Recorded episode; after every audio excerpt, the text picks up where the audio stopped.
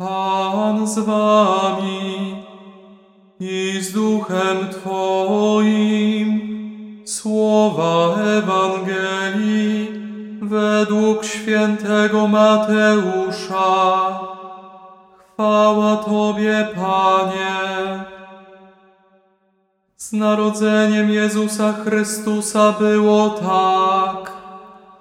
Po zaślubinach matki Jego, Maryi z Józefem, wpierw nim zamieszkali razem, znalazła się brzemienną za sprawą Ducha Świętego. Mąż jej Józef, który był człowiekiem sprawiedliwym i nie chciał narazić jej na zniesławienie, zamierzał oddalić ją potajemnie. Gdy powziął tę myśl, oto anioł pański ukazał mu się we śnie i rzekł Józefie, synu Dawida, nie bój się wziąć do siebie Maryi, Twej małżonki, albowiem z Ducha Świętego jest to, co się w niej poczęło. Porodzi syna, któremu nadasz imię Jezus.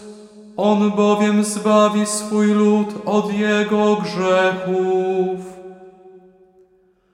A stało się to wszystko, aby się wypełniło słowo Pańskie powiedziane przez proroka. Oto dziewica pocznie i porodzi syna, któremu nadadzą imię Emmanuel, to znaczy Bóg z nami. Zbudziwszy się ze snu, Józef uczynił tak, jak mu polecił anioł pański.